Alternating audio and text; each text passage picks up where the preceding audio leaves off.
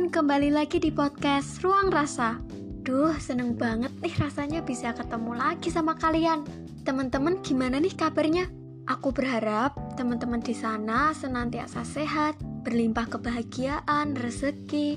Ingat ya teman-teman, kalau kalian mau keluar rumah, jangan lupa untuk tetap pakai masker. Pokoknya patuhi deh protokol kesehatan. Hari ini kita mau ngomongin tentang have fun. Ngomong-ngomong, aku udah liburan loh sekarang. Ye, seneng banget. Tapi, apa iya meskipun liburan kita nggak bisa tetap produktif?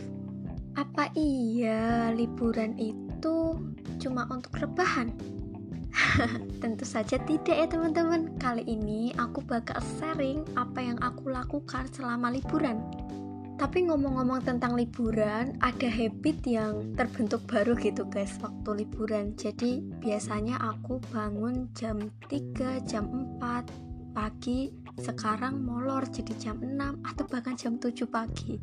Kalau dibilang aku manusia pagi itu juga enggak. Kadang aku lebih memilih untuk tidur pagi daripada bangun pagi karena susah gitu kalau aku bangun pagi pernah aku nyoba malamnya itu tidur jam 11 itu termasuk lebih awal dari jam tidurku biasanya. Dan aku ngeset alarm jam 4 gak bangun-bangun hasilnya guys. Tetap aja nanti bangunnya jam 6 jam setengah 7 tapi kalau liburan ini lebih molor lagi. Aduh ini kebiasaan yang gak patut kalian tiru ya guys.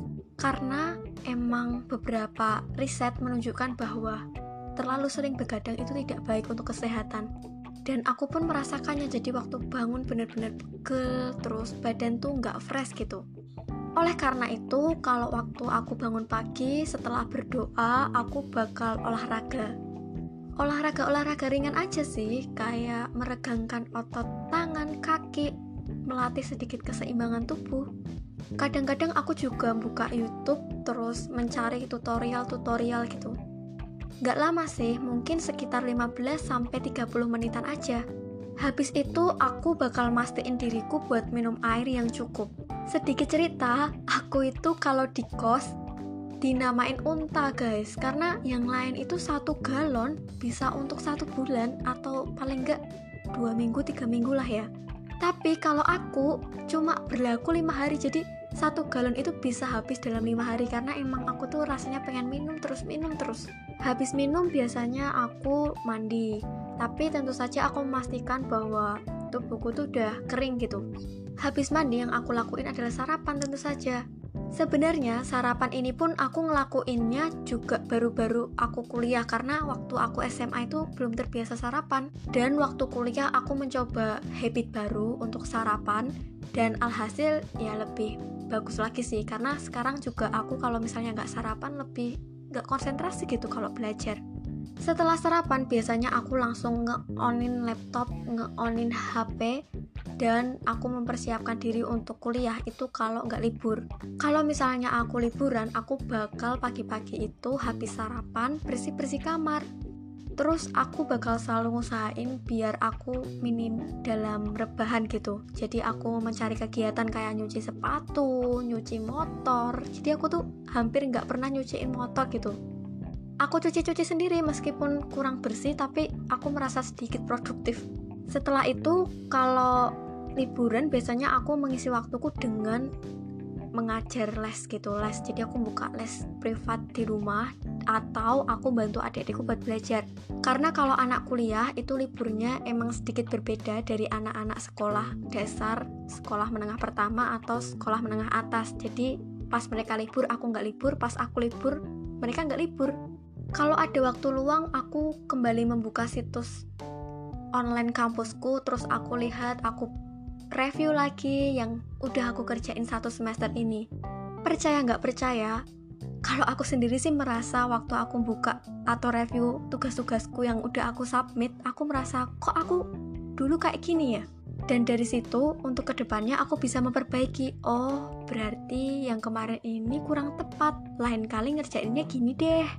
Terus biasanya aku juga mengevaluasi diriku sendiri misalnya IP ku sekian Terus per matkul itu aku amati kira-kira kenapa ya bisa hasilnya segini Tapi tenang guys, aku tentu saja tetap mensyukuri apa yang telah aku dapatkan.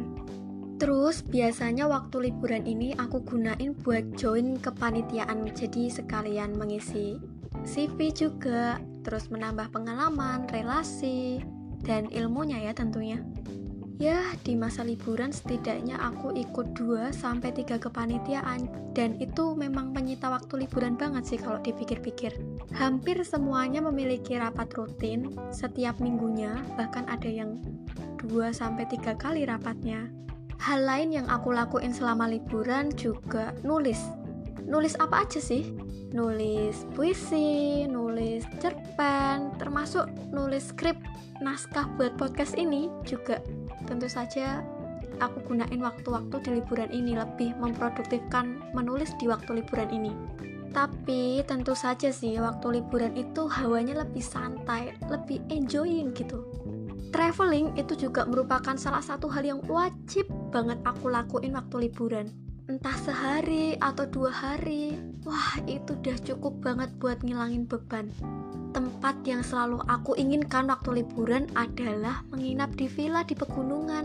Hmm, enak banget deh. Di sana bisa menghirup udara segar, terus makan makanan yang hangat. Bener-bener rasanya tuh beban di pikiran tuh hilang seketika. Nah, itu kan dari aku nih. Kalau dari teman-teman gimana? Buat kalian yang mau sharing-sharing atau berbagi tips produktif selama liburan, boleh banget DM aku di yosepin7 underscore. Kayaknya cukup itu aja yang bakal kita omongin hari ini. KK, bye-bye. Terima kasih udah mendengarkan.